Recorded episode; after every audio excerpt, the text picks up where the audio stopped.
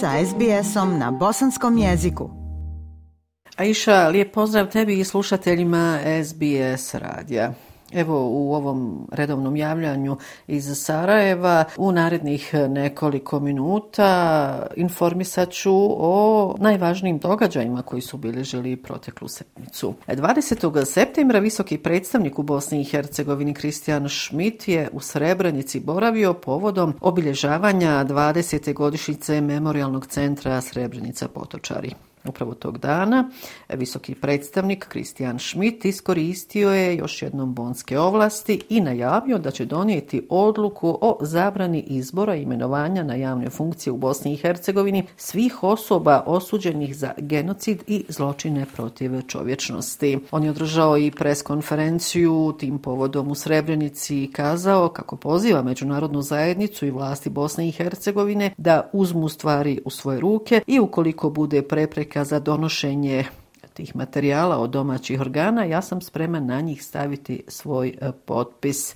Pod ovim podrazumijevam integraciju podataka u kaznene evidencije o ljudima koji su osuđeni za genocid, kazao je pored ostalog visoki predstavnik Međunarodne zajednice u Bosni i Hercegovini Kristijan Schmidt i evo u nastavku poslušajte njegovo izlaganje. The decisions will do the following. Tim odlukama će se uraditi sljedeće. First, they allow the Srebrenica Potočare Memorial to further develop. Prvo će se omogućiti Memorialnom centru Srebrenica Potočari da dalje razvija i širi svoje aktivnosti, posebno one koje su važne za sjećanje na genocid, kako bi se spriječilo njegovo poricanje, revizionizam, kako bi se osigurala prevencija ponavljanja kršenja ljudskih prava i doprinjelo dalje pomirenju. Dakle, doći će do proširenja udruženja centra jednim institutom za istraživanje i obrazovanje, odnosno edukaciju. We will have an international and national team of people of high moralic standard. Imaćemo domaći i međunarodni tim koji će se sastojati od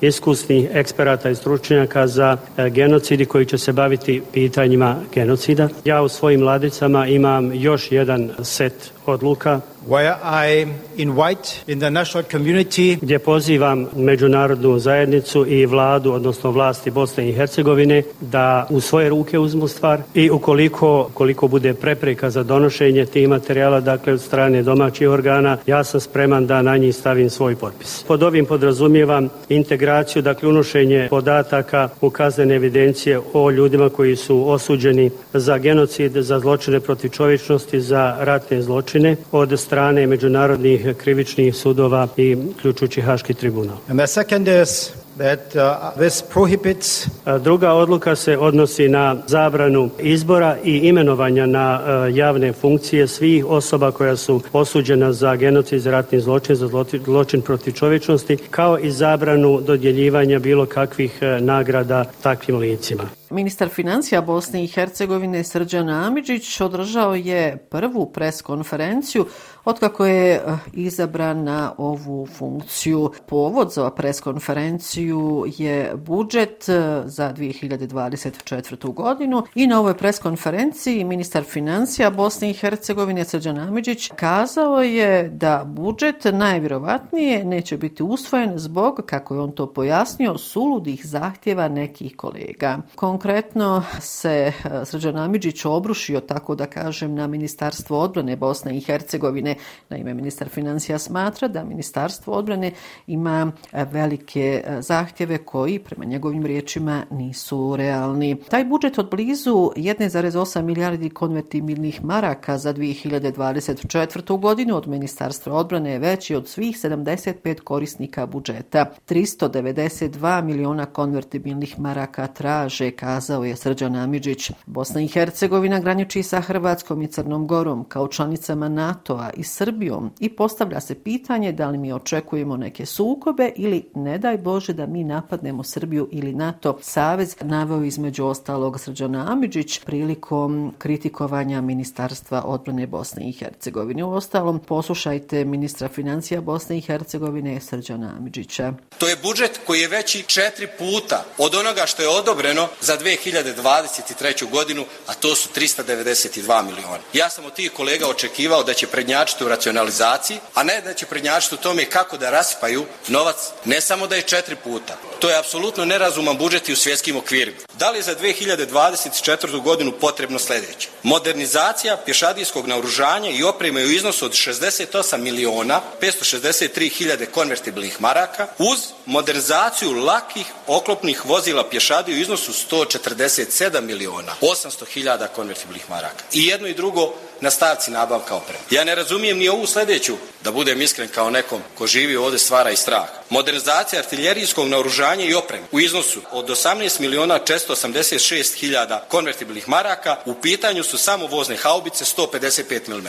Modernizacija sredstava za vazduhoplovstva kroz nabavku šest srednjih transportnih helikoptera, deset lakih višenamjenskih helikoptera i da ne nabrajam dalje. E, ministar sigurnosti Bosne i Hercegovine Nenad Nešić i ministar za ljudska prava izbjeglice Bosne i Hercegovine Sevlid Hurtić razgovarali su 19. septembra u Sarajevu sa šefom delegacije Evropske unije u Bosni i Hercegovini Johanom Satlerom i to o planu tranzicije upravljanja migracijama na domaće vlasti. Nakon njihovog susreta novinarima su se obratili, vratili, e, pored ostalih Nešić i Hurtić.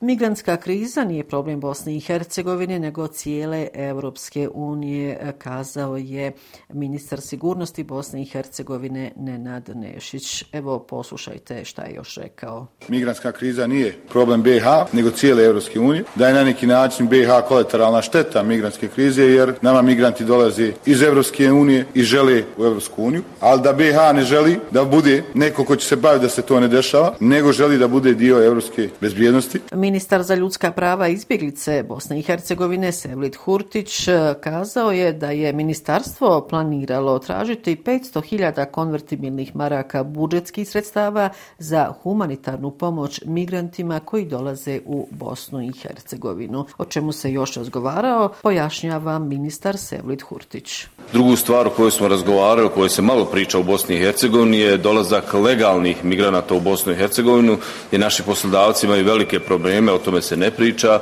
Mi trenutno imamo negdje oko 4000 dozvola da nam dolaze ljudi iz inostranstva da rade, oni ovdje budu kratko, da li su to iz Indije, Nepala, Pakistana ili neke druge zemlje sa Bliskog istoka. Ovdje rade kod poslodavaca jedno vrijeme i onda se samo u toku noći pokupe preko Save ili gore preko Izačića pobjegnu u Evropsku uniju. 21. septembra predstavnički dom parlamentarne skupštine Bosne i Hercegovine je na hitnoj sjednici jednoglasno osudio napade na sve povratnike u državi. Ovom prilikom je naloženo da se formira radno tijelo sastavljeno od svih klubova sa zadatkom da u toku od 45 dana ovom domu predloži mjere za zaštitu i sigurnost povratnika u Bosni i Hercegovini. Hercegovini. Predstavnički dom Parlamentarne skupštine Bosne i Hercegovine tražit će od policijskih i pravosudnih organa sve informacije o prethodnim incidentima. Inače, ova hitna sjednica Predstavničkog doma Parlamentarne skupštine Bosne i Hercegovine sazvana je na zahtjev poslanika iz Stranke demokratske akcije, DF-a i NES-a. Kao razlog za sazivanje sjednice su učestali napadi na povratnike, prije svega bošnjake,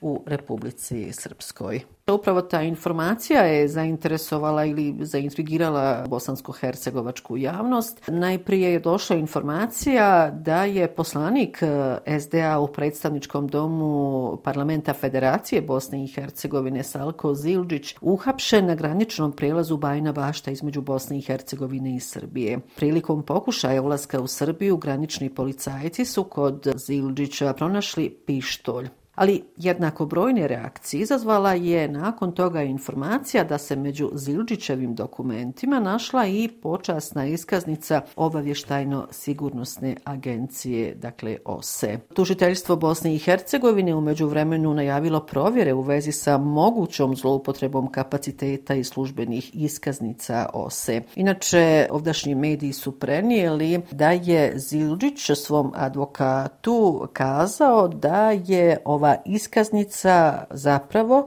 plod e, zezancije u nekoj Viber grupi. E sad, ako je to istina, onda je prema važećim BiH zakonima i ovo riječ o krivičnom dijelu i to krivotvorenje isprave. Eto, Aisha, toliko ovoga puta iz glavnog grada Bosne i Hercegovine. Srdačne pozdrave vam iz Sarajeva šalje Semra Duranović-Koso. SBS na bosanskom. Podijelite naše priče preko Facebooka. Želite poslušati još ovakvih priča? Slušajte preko Apple podcasta, Google podcasta, Spotify ili kako god da primate svoje podcastove.